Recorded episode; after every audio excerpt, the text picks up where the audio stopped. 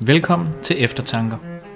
I denne udgave af Eftertanker vil du høre en samtale mellem Lars Tønder og Maria Røgmert Gjerding. Lars Tønder er professor på instituttet og forsker i politisk teori. Maria er præsident i Danmarks Naturfredningsforening. Lars taler med Maria om klimapolitik, natur og demokrati.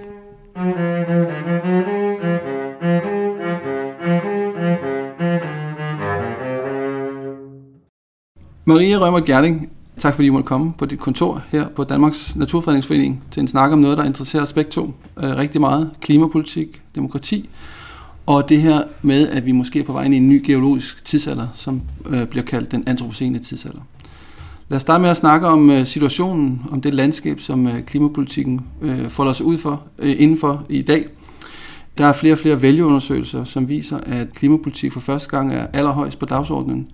Og i den forbindelse er det, jo ikke, er det svært ikke at komme til at tænke på sådan en som den kanadiske aktivist og forfatter Naomi Klein, som i hendes bog siger, at når man først ser klimaforandringerne, så er alt forandret. Øh, hun kalder sin bog for This Changes Everything, mm. eller på dansk, Intet bliver som før. Det er jo sådan et forsøg på at sige, at der er sådan en, en forandring i ens bevidsthed, øh, at verden simpelthen er, er anderledes i det øjeblik, man for alvor får øje på de her øh, klimaforandringer. Kunne du ikke sige noget om, hvordan du som præsident og I som Naturfredningsforening oplever den her forandring? Er det noget, I oplever? Er det en reel forandring? Er der sket et skifte, øh, eller er det kun noget, som øh, en kanadisk forfatter øh, synes, hun kan påpege? Jeg er meget enig med Naomi Klein i, at der er sket et skifte, og at klimaet på mange måder ændrer alting. Mm-hmm. Og det er jo på grund, altså det skyldes jo det, der er på spil. Mm-hmm. At det er vores egen overlevelse på kloden, der mm. er på spil. Er livsbetingelserne for vores børn. Mm-hmm. Og det går jo ind og, og rydder alt andet i virkeligheden. Altså hvis vi ikke får løst klimaforandringerne, så er mange af de ting, vi ellers diskuterer i politik og samfund, så er det jo lige meget. Mm. Eller bliver i hvert fald lige mm. meget inden for en overskuelig overrække. Så det mærker jeg egentlig, at flere og flere mennesker selv kan mærke dybt inde i sig selv.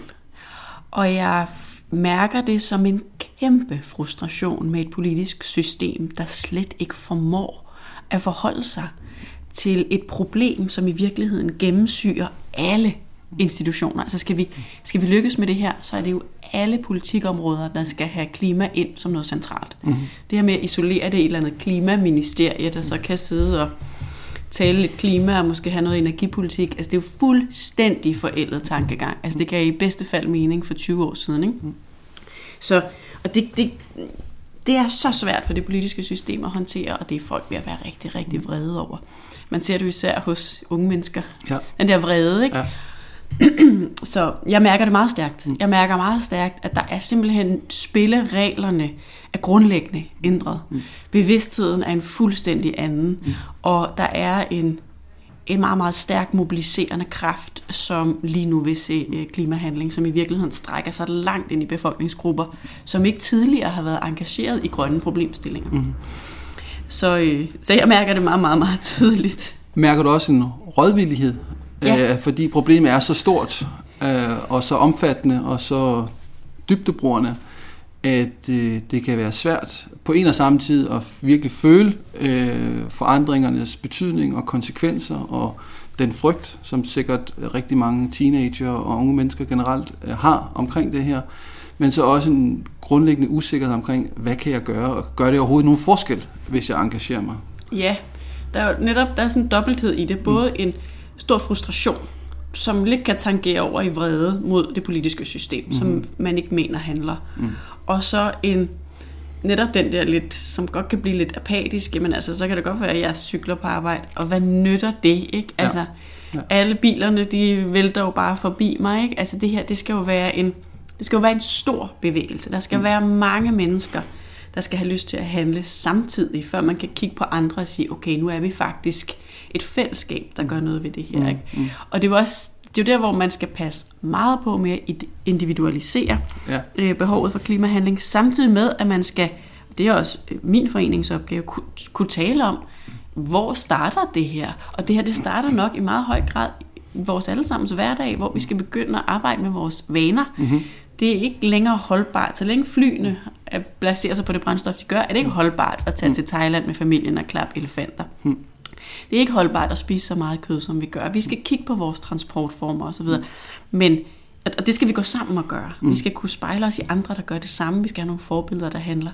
Men samtidig må vi insistere på, at politikerne gør det klimarigtige valg mere tilgængeligt mm. for almindelige mennesker, fordi det gør de bare ikke i dag. Mm. Det er så besværligt ja. at handle øh, ja. klimarigtigt, og vi har brug for nogen, der skruer bissen på over for flyindustrien, over for landbruget, over for at insistere på, at de store hjul bliver drejet rundt, så de grønne vand bliver tilgængelige for helt almindelige mennesker.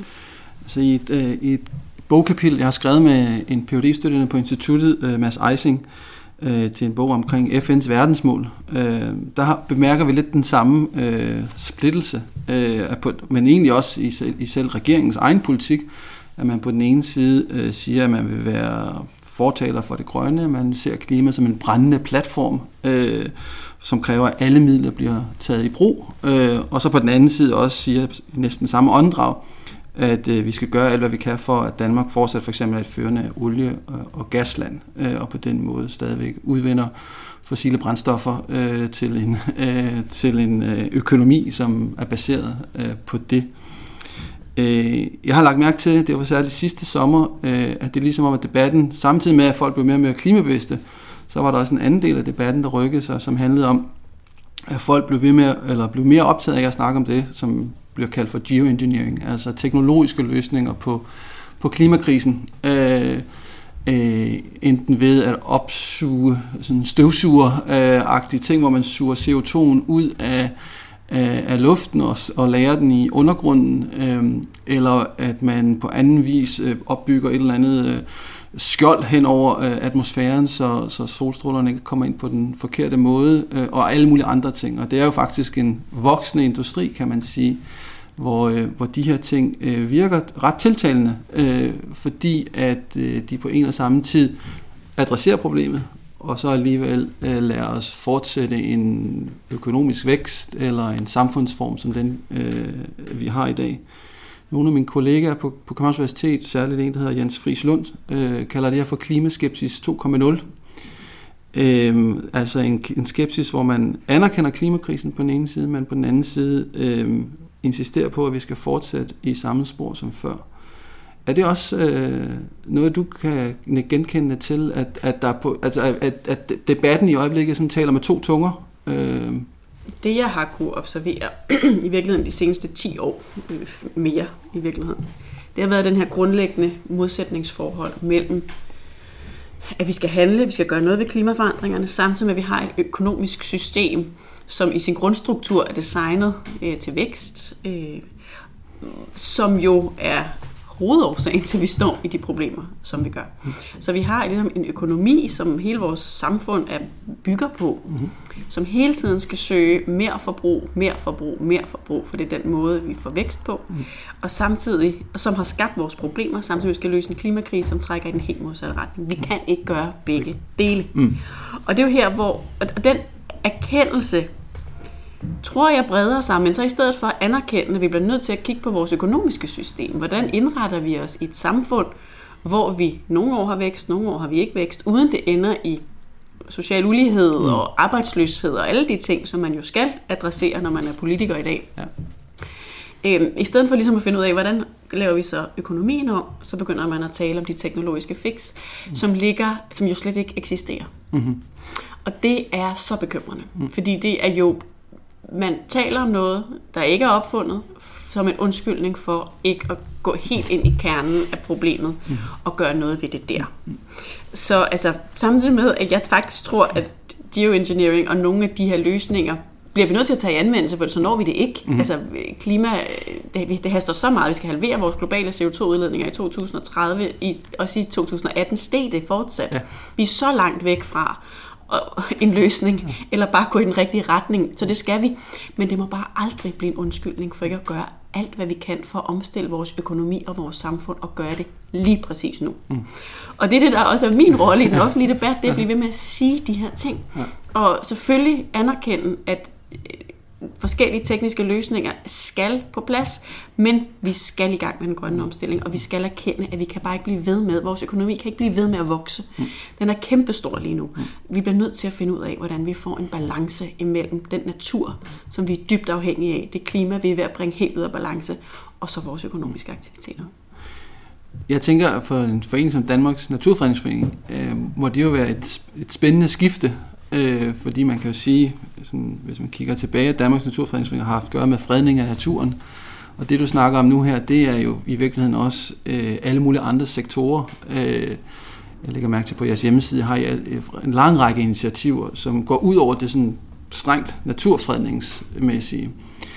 Øh, er der også sket en ændring i, hvad det der med at være interesseorganisation øh, i en dansk politisk virkelighed, at øh, man faktisk også er tvunget til at tænke holistisk og tænke kollektivt øh, på tværs af emnerne, fordi at der er den her forbundethed i, øh, i politikken, som øh, hvis man ikke forholder sig til det, så kan man ja, dels ikke være øh, ærlig over for befolkningen, men man kan måske heller ikke engang være relevant i den politiske øh, debat.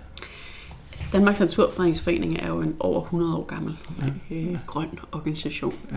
som jo da den i sin tid blev stiftet, netop øh, beskæftigede sig med at passe på naturen, mm. at få affald væk fra naturen. Det var mm. de tendenser at beskytte naturen. Mm. Men jeg synes egentlig også, at vi har formået at følge med tiden. Mm-hmm. Da det så var forurening, der var øh, hovedproblemerne tilbage for mange år siden, så var det det. Øh, det var stadigvæk et problem, men det, så var det ligesom det, vi, mm. vi centrerede os om og også tog med ind. Så tog vi drikkevandet med ind, så er nu er det jo så også klima, vi også skal kunne rumme. Ja. Så for mig at se, handler det jo om at følge med de store dagsordner, der eksisterer i det samfund, vi er en del af. Ja. Og hvor vi jo, og det glæder jo mig, ikke har givet køb på fredninger. Det er jo, det er jo lige relevant at beskytte naturen, og fredning er jo den bedste beskyttelse, man kan give naturen. Men samtidig kunne rumme mere. Og det kan vi jo alene, fordi at vi har så mange medlemmer. Mm. Altså det er jo 100% derfor. Mm. Altså det er jo fordi, vi har 130.000 betalende medlemmer, mm. som støtter os og gør, at vi kan fagne så bredt. Men man vil også, hvis man helt isoleret kun var en fredningsinstitution, mm. så vil man selvfølgelig også tabe relevans, mm. fordi folk går jo op i mange flere ting. Mm. Men er I bekymret for, eller er du bekymret for, at øh, klimakampen øh, har en social slagside? At, øh, altså, at hvis man kæmper for klimaet, øh, så er der øh, nogle sociale uligheder, som bliver forstærket, øh, og som, som gør, at, øh, at når vi snakker om de forandringer og de øh, processer, der skal til for den grønne omstilling, så, øh, så kan det være svært at tilhøre den øh, mindre privilegerede del af samfundet, øh, fordi der er man afhængig af, at der er jobs at få, og der er transport, øh, og hvad der ellers kommer med alle de der ting, som vi forbinder med sådan et mere eller mindre klassisk øh, industrisamfund. Så nu er vi jo en organisation, der sådan helt entydigt er naturpolitisk, klimapolitisk, miljøpolitisk. Aha. Vi beskæftiger os ikke med fordelingspolitik. Ja. Men der er der ingen tvivl om, at det vi har set i Frankrig, hvor man har ja. hævet nogle mm. afgifter, mm. og det skaber utrolig meget øh, ballade, mm. det vil der være et godt råd til alle, tror jeg, at sige, vær opmærksom på det. Fordi vi skal sætte klimaet allerøverst på dagsordenen, og så skal vi sørge for samtidig at få befolkningen, den brede befolknings opbakning til det. Mm. Og det tror jeg, man skal være enormt opmærksom på som politiker. Mm. Øh, at, at sørge for det. Mm. At sørge for, at man ikke splitter befolkningen, hvis, når man begynder at håndtere mm. de store globale kriser, der skal sikre en fremtid for mm. dem, der kommer efter os. Så, så jeg mener, altså, det, er jo, det er jo også bare at tage pejling af, ja ja. af, hvad sker der i verden omkring os. Men ja. det er jo meget vigtigt for mig at sige, at Danmarks Naturfredningsforening har ingen rolle at spille i mm. en debat om økonomisk omfordeling og social lighed osv. Ja. Vi er en forening, hvor vi har medlemmer fra alle Folketingets partier, mm. og den debat hører til et andet sted. Jeg kæmper for naturen ja. og for klimaet og miljøet. I, som afslutning på den her diskussion, vi har omkring, sådan, hvordan situationen er, øhm, kunne man måske snakke om inden for politologien, altså statskundskaben, en af vores sådan, subdiscipliner, noget vi er glade for, det er sådan at identificere skillelinjer i samfundet. Øh, klassiske skillelinjer, det kan fx være mellem land og by, og det kan være mellem højt øh, uddannet og lavt uddannet, det kan være ideologisk mellem konservative og socialister, eller det kan være mellem arbejdstager og arbejdsgivere. Øh, I en bog, der lige er udkommet for, for nylig på dansk, øh, af den franske sociolog Bruno Latour, som hedder Ned på jorden, Øh, der interesserer han sig også for de her ting med skillelinjer i samfundet.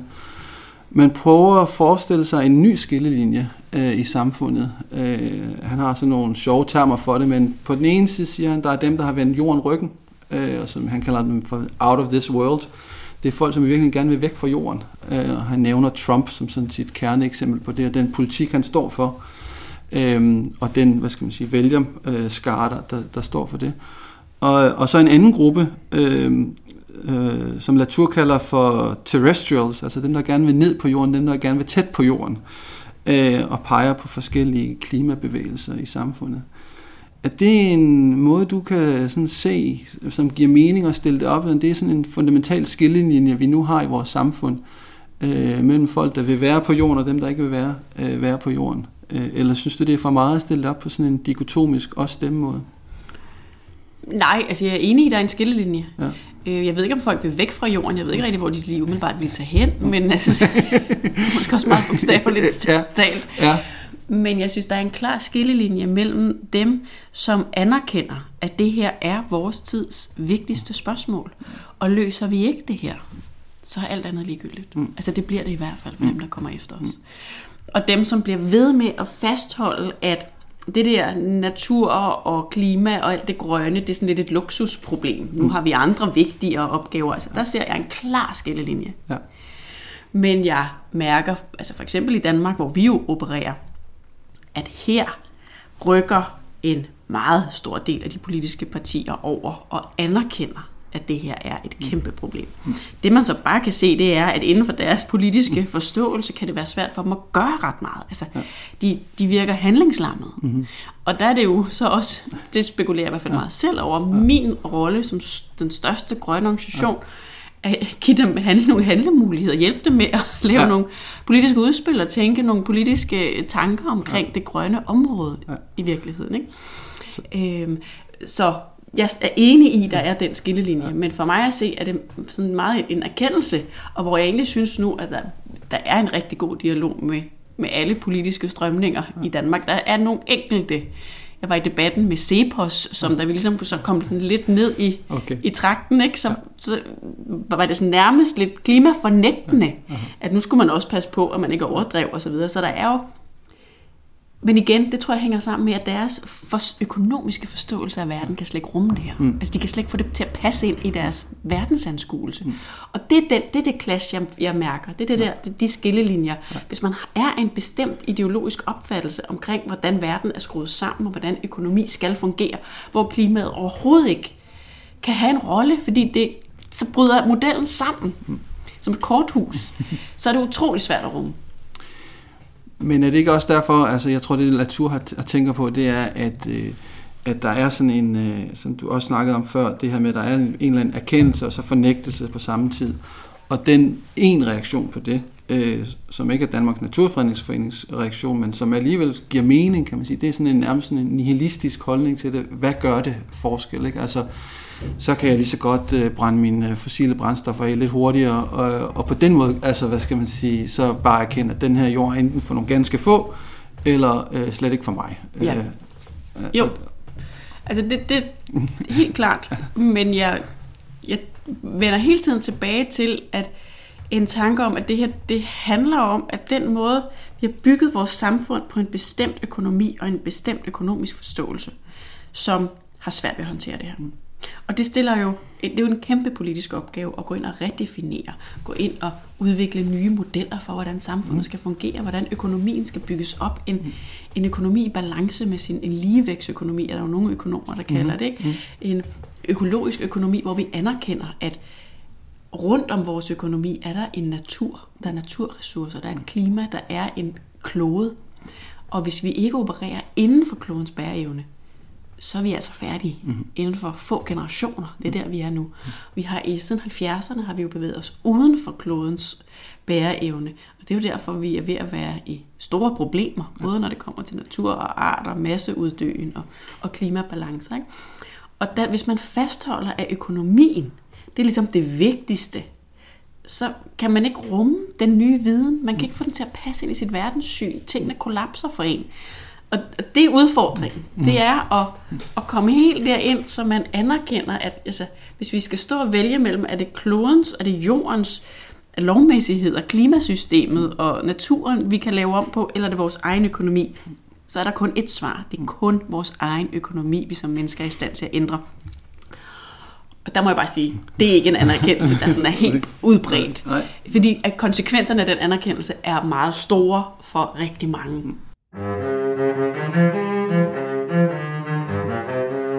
For mig som øh, politisk teoretiker og som er særlig interesse i demokrati, øh, der er det jo dels et spørgsmål om, om, om økonomi og økonomiske systemer, men det er også et spørgsmål om, øh, hvad det er for et politisk øh, styreform, øh, vi har, altså hvad det er for et demokrati, vi har, og inden for hvilke rammer øh, vi træffer beslutningerne. Øh, så det er det næste, jeg godt kunne tænke os, at vi snakkede om, det var det her med det, sådan det demokratiske spørgsmål i forhold til det her, øh, de her udfordringer, som du, som, som, som du og jeg øh, begge deler.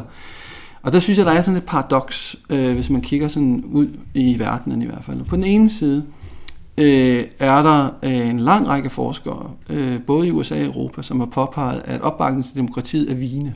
Øh, som kigger på unge mennesker i England og i USA, New Zealand, selv Sverige, så er der jo undersøgelser, der viser, at øh, vi er under 50 procent af de unge mennesker, som synes, at det at leve i demokrati, det er vigtigt. Øh, altså at og på den måde åbne op for, at der kunne være andre styreformer, man kunne, øh, man kunne leve under, øh, særligt øh, mere autoritære styreformer. Øh, og den begrundelsen for det kan jo være mange. Det kan blandt andet være, at klimaforandringerne er så enorme, at øh, der må nogle eksperter, hvis ikke en stærk leder til at løse det her. Øh, selv som James Lovelock øh, har sagt noget af den stil, på trods af at han påpeger, at vi skal kære om jorden og være mm. gejer. Og sådan. Så det, det er ikke sådan en, en, øh, en, hvad skal man sige, en minoritet. Det er en, en voksende gruppe af, af, af, af folk, som, som synes det. Og så på den anden side, altså det, som vi også har set, øh, både i herhjemme og, i, og ude i verden, altså en, en mangfoldighed af nye græsrodsbevægelser, som vokser op øh, øh, rundt omkring, og som på forskellige måder øh, forsøger at mobilisere befolkningen. Øh, hvis jeg skulle nævne nogen herhjemme, så kunne man nævne sådan noget som øh, grobund ude på Mols. Øh, man kunne nævne det her initiativ omkring andelsgårde. Mm. Øh, man kunne snakke om forskellige former for bylandbrug, da vi har Gro her i København. Øh, og så har vi selvfølgelig den store opbakning til klimalovsforslaget og den, og den diskussion, der var omkring det og allersenest øh, med øh, klimastrækken og den interesse, der er på skoler, folkeskoler og universiteter og hvor det ellers er, og der er unge mennesker. Så det virker som, der er en, et paradoks her. Men på den ene side en stor lyst til at engagere sig, og på den anden side også en stor øh, skepsis øh, over for demokrati som den rigtige måde at gøre det på. Øh,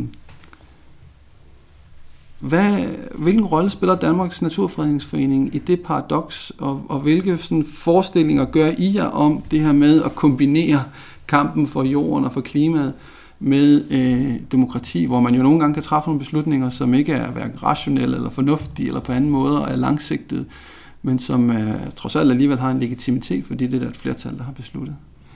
Vores rolle er at spille, gøre noget aktivt for den mobiliserende del. Mm det er at forsøge at få mennesker til at engagere sig i demokratiet, i fællesskaberne, i nogen, der kan handle sammen med andre. Vi vil jo rigtig gerne understøtte de aktiviteter, du nævner. Vi har jo også vores egne. Det er min ambition, at vi skal forsøge at få samlet den grønne bevægelse til nogle noget, noget fælles, hvor vi går i samme retning, når vi stiller forslag sammen med en masse andre grønne organisationer om en klimalov, og det er jo også en måde at bruge nogle demokratiske kanaler til at rejse en dagsorden. Så altså, når vi er så stor en organisation med så mange medlemmer, så mange aktive, så mener jeg, at vores rolle er at skulle mobilisere. Mm. Øh, ikke at forholde os til styreform. Selvfølgelig kan vi have mange private holdninger til det, men, men at forsøge at få mennesker til at engagere sig. Klimaet er jo et indbygget paradoks, fordi at det, som en masse enkelt individer gør, kan få meget store konsekvenser for fællesskabet, og især dem, der ikke er født endnu. Mm. Så det er, der ligger jo ting i det, som gør, at det giver god mening at begynde at diskutere øh, de her ting, og diskutere, hvordan håndterer man sådan en situation. Men det vil jeg godt sige, det er jo mit håb, at måden at håndtere det på, det er ved at også vise, at det at handle i forhold til klimaet, det, det er altså ikke at gå tilbage og bo i en jordhule og klæde sig i en vadmelsæk. Altså vi, vi har teknologi, vi, har, vi kan have velstand, vi, kan, vi skal bare gøre tingene på andre måder. Vi skal ikke være drevet frem af et konstant stigende forbrug. Vi skal begynde at finde andre værdier. Vi skal diskutere nye værdifællesskaber, hvor vi er bedre til at dele som ressourcerne. Hvor vi har et andet, en anden relation til de virksomheder, der producerer vores forbrugsgoder, hvor vi afleverer tingene tilbage. Alting bliver repareret, alting bliver genbrugt. Øhm, så det er igen, vi kommer vender tilbage til den økonomiske ramme, der skal være omkring samfundet. Ikke? Så det er, jo, det er jo nye relationer, det er nye fællesskaber, og der ser jeg, at vi spiller en ekstremt vigtig rolle i at få bygget alt det op. Og i, at, at mennesker mærker, at der er et fællesskab at gå hen. Man sidder ikke bare alene derhjemme og skal have dårlig samvittighed over sin sommerferierejse. Mm, mm. Man kan gå sammen med andre om at begynde at lave samfundet om ved at handle anderledes selv, og ved at lægge et politisk pres sammen med en organisation som vores. Så det er, det er min rolle. Ja.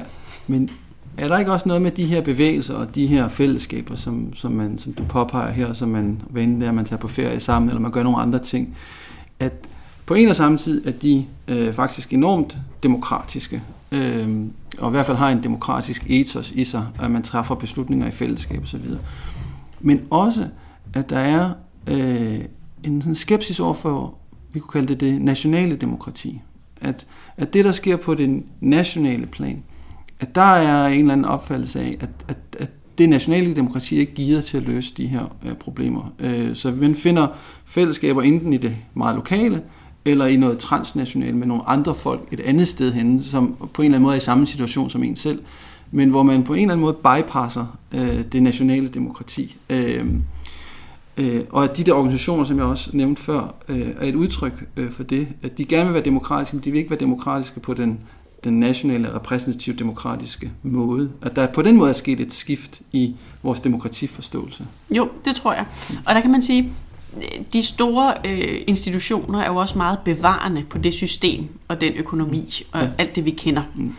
Og lige nu har man brug for nogen, der kan være forandrende ja. og begynde at bygge øh, andre øh, ting op, begynde at være øh, samfund på en ny måde, der holder sig inden for naturens og klimaets grænser.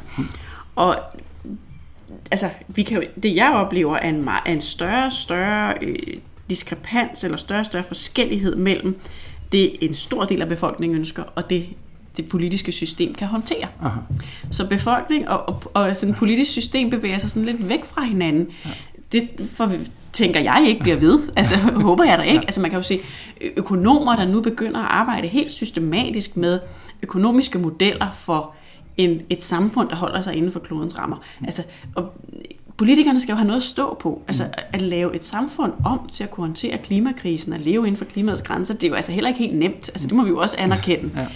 Ja. Øh, så det med at, at være en del af debatten, og også begynde at give noget luft til nogle af de økonomer, der tænker på nye måder, i tale sætte det, det er jo også en rolle, mm. som jeg har, som vi har, som Danmarks Naturfredningsforening, som grøn organisation, mm. have en dialog med politikerne om, hvordan, og så i virkeligheden understøtte, ja, dem der bypasser, men måske også i virkeligheden dem, der begynder at lave trædestenene mm-hmm. hen imod mm.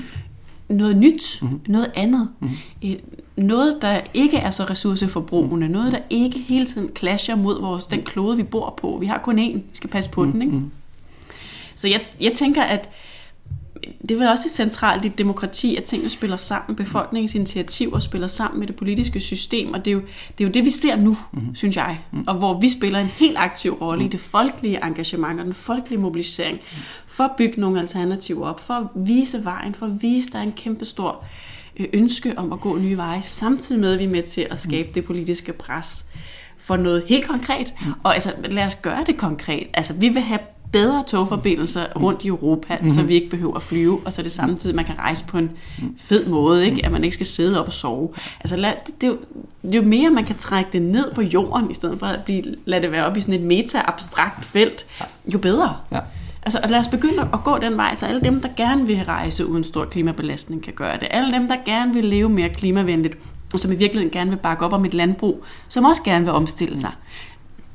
Giv dem nogle handlemuligheder, ikke? Men du har alligevel en tro på, at på et eller andet tidspunkt, så kommer der en, hvad skal man sige, et nyt ligevækstpunkt mellem det, som befolkningen vil, og det, som det nationale system kan levere. Ja, det håber jeg. Jeg ved ikke, om jeg har en tro, men lige nu er det der, jeg ligesom ser... Øhm, ser håbet. Uh. Og jeg synes da, at politikerne flytter sig. Altså, det, det, det kan jeg da se. Fra, jeg, nu har jeg beskæftiget mig med det her spørgsmål i over 20 år. Ikke? Jeg kan da, har da virkelig kunne se et skifte. Mm-hmm i, at nu er det jo noget, alle diskuterer. Mm. Det er en del af alles valgkamp. Mm. Nu kan man sige, den nuværende regering har ikke været helt heldig i forhold til at, helt at kunne levere i forhold til klimaet. Det går ikke virkelig den rigtige vej i Danmark, men mm. Ikke desto mindre er det jo noget, vi diskuterer. Mm. De anerkender dog, der er et mm. problem. Det må ja. man jo også glæde sig over. Ja. Øh, så jo, jeg, ja. synes, jeg synes, vi ser en bevægelse. Ja. Jeg synes dog, at vi ser en handlingslammelse, som bekymrer mig noget. Det bringer os øh, frem til, til, til sådan det helt grundlæggende, som er det, som jeg selv er interesseret i, øh, og som øh, efterhånden også er ved at have indfundet sig sådan i det sådan dagligdagens vokabular. Geoengineering er måske det første.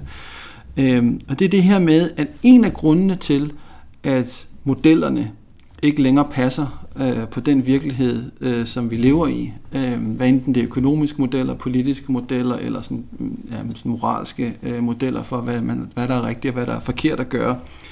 Det er, at virkeligheden har ændret sig fundamentalt. Øh, der er folk, geologer, øh, som for 5-10 år siden begyndte at snakke om, at vi har trådt ind i en ny øh, geologisk tidsalder, øh, som de kalder for den antropocene øh, tidsalder. Og det er jo en, det er ikke sådan noget, der sker hver dag. Øh, det er sådan noget, der måske sker hver 10.000, 12.000 år. Det er i hvert fald sidste gang, sådan noget skete. Så det er virkelig epokegørende. Det er også derfor, man kalder det for tidsalder eller epoker. Ikke? At, øh, at det er virkelig noget, som, øh, som er radikalt, og som gør, at det vil være underligt, hvis vores gamle modeller øh, stadigvæk ville fungere øh, i forhold til den der virkelighed. Ikke?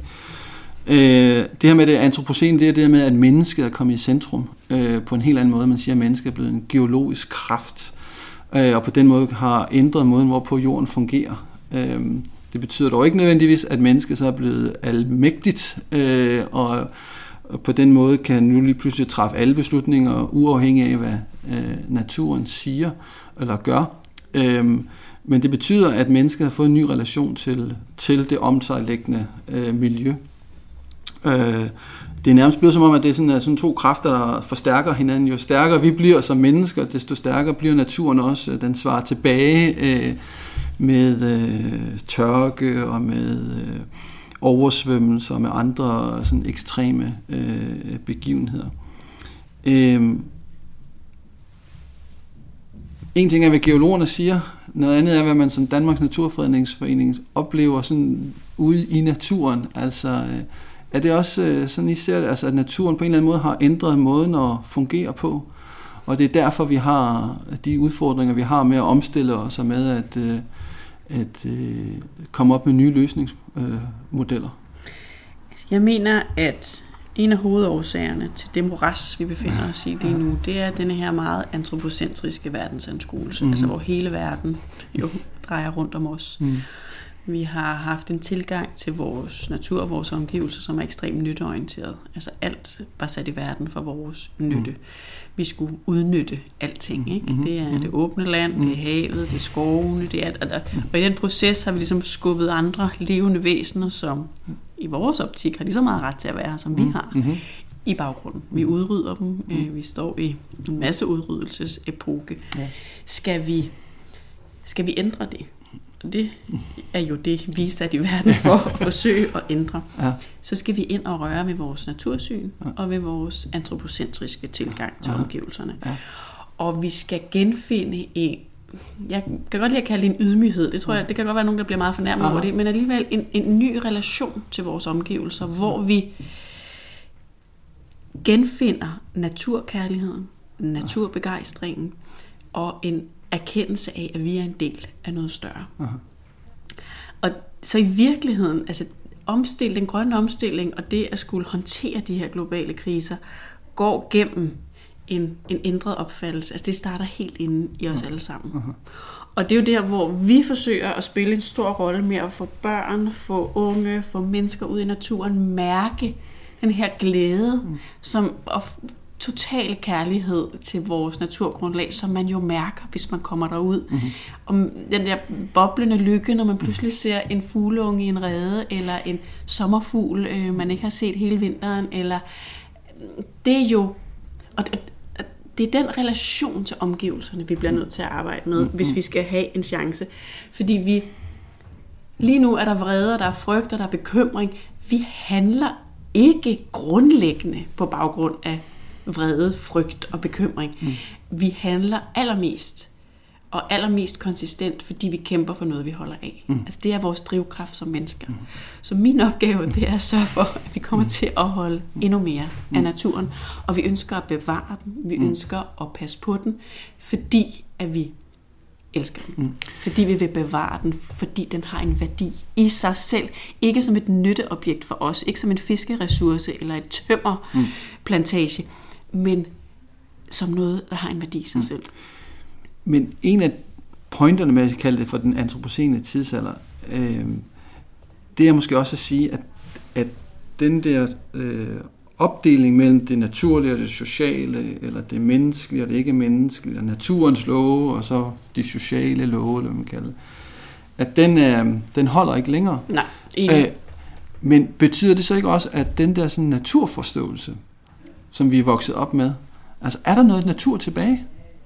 Ja. Er, der, er der noget natur tilbage, som ikke på en eller anden måde er rørt af mennesket? Nej, så, nej, det er der ikke. Nej. Det er der ikke. Nej.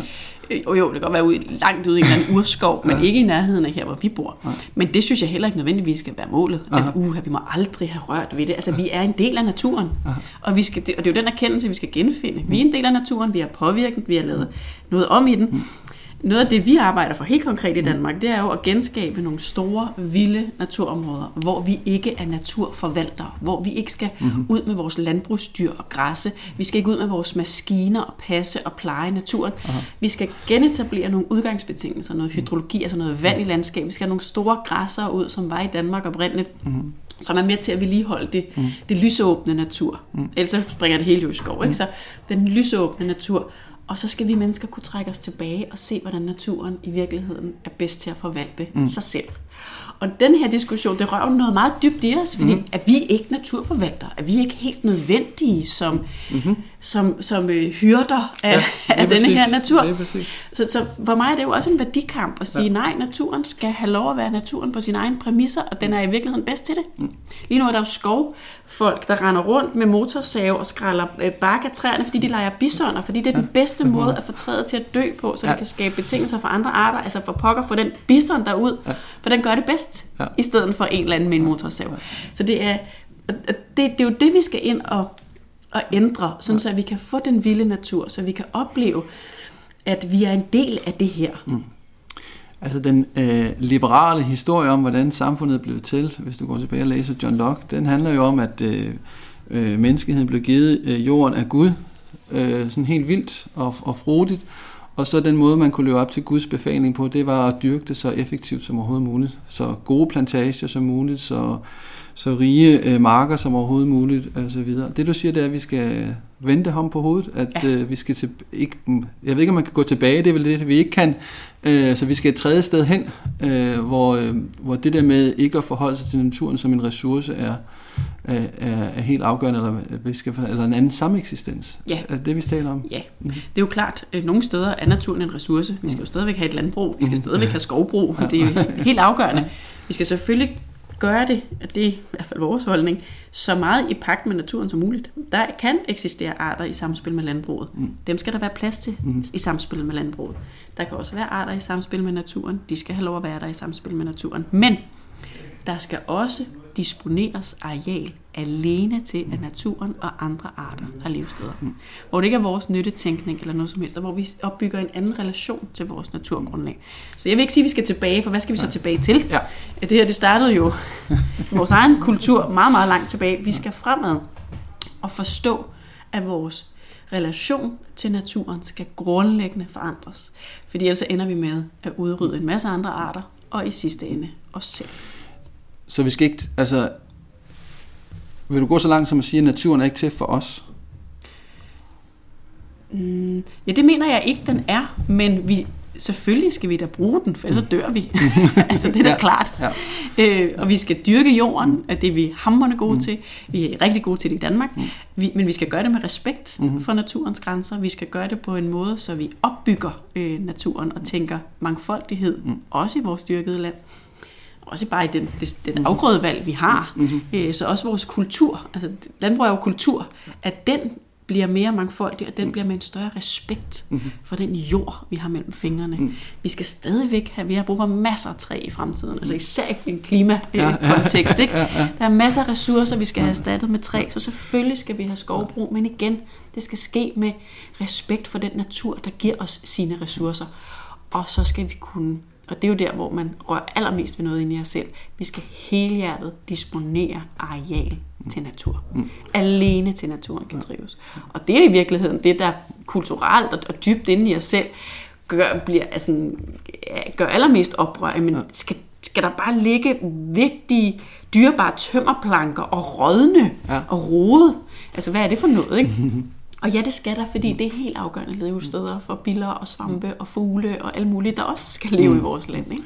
Men vi er jo vant til at tænke os selv som dem, der har moral, altså os selv, altså mennesket, som den, der er i stand til at have en moralsk indstilling til verdenen, er i stand til at tænke bevidst og i stand til at forholde sig fornuftigt eller rationelt til verden, og på baggrund af det formulere nogle principper om, hvad der er værdifuldt og hvad der ikke er værdifuldt. Øhm, men den tankegang er jo også med til at skabe, hvad skal man sige, en, en afstand mellem det menneskelige og det naturlige. Så der er mange mennesker nu, der snakker om, og ikke mange, men der er forskere, der taler om, at vi skal til at også forholde os til det naturlige som noget, der har værdi i sig selv, at har normativitet, og på en eller anden måde skal inkluderes i øh, de samtaler, vi har. Vi skal blive bedre ikke bare til at lytte til naturen, men vi skal også lade naturen tale til os. Mm. Øhm, når jeg siger det til mine studerende, så kigger de på mig med blanke øjne og siger, at hvordan hulen skal man kunne gøre sådan noget? Mm. Har I nogen idéer i Dansk Naturfredningsforening til, hvordan vi kan få naturen til ikke bare at være sådan en passiv ting, øh, som man tager toget ud og besøger, men også på en eller anden måde får en, en, en samtale med? Altså jeg, jo, jeg tror, det hele starter ved en anerkendelse af netop, at naturen har værdi i sig selv, mm. og naturen har en ret til at være her. Helt for sin egen skyld. Ikke for mm. vores skyld, men mm. helt for sin egen skyld. Og at det i virkeligheden ude i den natur, mm. at vi også som mennesker får de største oplevelser. Mm. Kan finde en ro inde i os selv. Mm. Kan få sat tingene i perspektiv. Mærke, at vi netop er en del af noget større. Mm. Så jeg ved ikke, altså mærke naturen i virkeligheden. Mm-hmm. Finde, altså jeg tror, at det er rigtigt, vi har en rationalitet, og vi har en moral. Vi skal også erkende, at der er en hulens masse ting, vi overhovedet ikke kan gennemskue. Mm-hmm. Altså, verden omkring os er mere kompleks, end den mhm. menneskelige hjerne overhovedet mm-hmm. kan rumme. Mm-hmm. Og anerkender vi det, mm. så finder vi forhåbentlig også den ydmyghed frem, hvor vi siger, at vi skal holde os på den sikre side af naturens grænser, for vi ved ikke, hvad der sker, hvis vi går til grænsen. Vi kan slet ikke gennemskue konsekvenserne af de klimaforandringer, vi allerede nu har sat i gang. Det er stensikkert. Mm-hmm. Vi aner ikke, hvad det er, vi har gang i. Mm. Vi aner ikke, hvad det er, vi gør. Mm. Havene forsurer, vi aner ikke, hvad det vil medføre. Og det er, jo, det, er jo, det er jo den, og det strider jo imod vores egen selvforståelse, at vi lige nu vælter rundt i et territorie, hvor vi ikke ja. aner, hvad der vil komme til at ske. Ja. Men det gør vi. Vi kan ikke gennemskue det. Ja. Naturens lovmæssigheder og principper og økosystemer, det er langt ud over vores fatteevne. Ja. Og hvis vi bare kunne have en ærlig samtale om det, så vil vi også sige, godt, lad os have en ydmyg tilgang ja. til vores omgivelser. Lad os forstå, at vi skal holde os på langt på den sikre side af økosystemernes kollaps. Ikke? Ja. Enten det kvælstof, vi overbelaster med, eller CO2, eller arter, vi udrydder. Og, altså, vi ved det ikke. Vi skal passe på. Vi skal tænke os om. Vi skal genfinde en respekt for vores omgivelser, og en respekt for den klode, vi bor på. Det er jeg meget enig i. Øh, men jeg kunne godt tænke mig som det afsluttende spørgsmål, så vende den tilbage og sige, er det så øh, den her ydmyghed, øh, det er jo ikke en ydmyghed, der er, øh, det, den kender vi jo godt øh, fra forskellige steder sådan i, i den vestlige historie, en kulturhistorie. Øh, kristendom øh, prædiker også ydmyghed, øh, andre religioner gør det samme. Øh, så er den her ydmyghed øh, sådan en ny form for religion, øh, eller er den, øh, eller er den noget, noget helt tredje? Eller hvad, hvad, hvad, hvilken status har den der ydmyghed i vores offentlige samtale? Ja, nu er jeg meget lidt religiøs. Øh, for mig er det almindelig sund fornuft og en almindelig anerkendelse af, at vi bor på en klode, og hvis vi smadrer den klode, så har vi ikke nogen fremtid. Altså det er i virkeligheden ret enkelt. Mm. Og det, vi er i gang med at ødelægge mm. øh, det, vi selv lever på. Mm. Øh, og tager vi det ned i mikroskala, altså man ved jo godt, at hvis man skal dyrke mad på et bestemt areal, og du ødelægger det fuldstændig, mm. så har du ikke noget at spise. Mm. Og det er jo i virkeligheden, altså for mig er det det, det. Men selvfølgelig er det da, det rører dig ved noget dybt inde i os selv. Altså vi snakker jo følelser, vi snakker respekt, vi snakker en anerkendelse af, af andre øh, mm. levende væsener. Altså det er jo etik, det er jo moral, ja. det er jo alt muligt. Om det også er religion, det er det måske for nogen. Mm. For mig er det, ja, det er måske etik og i virkeligheden almindelig omtanke og sund fornuft i den situation, vi har bragt os selv i, som har baseret sig på en masse blindvinkler som det nu er på tide, at vi ikke længere er blinde, men som mm. vi kigger i øjnene, og vi anerkender, at nu skal vi en ny vej, mm. og vi skal et nyt sted hen. I positiv samspil med mm. den natur, vi er afhængige af, og som vi skal genfinde kærligheden til. Tak fordi jeg måtte komme forbi og snakke med dig. Øh, det har været utroligt spændende. Øh, også at opleve, at den mere akademiske side af diskussionen kan snakke sammen med den mere praktiske del af verden og virkeligheden. Det er det, vi gerne vil, og det er jo ligesom der, også et forandringspotentiale øh, ligger. Så, så tak for samtalen. Du har lyttet til Eftertanker. Eftertanker er produceret af Institut for Statskundskab på Københavns Universitet. Du kan læse mere om instituttet på vores hjemmeside eller på Facebook. Tak fordi du lyttede med. thank you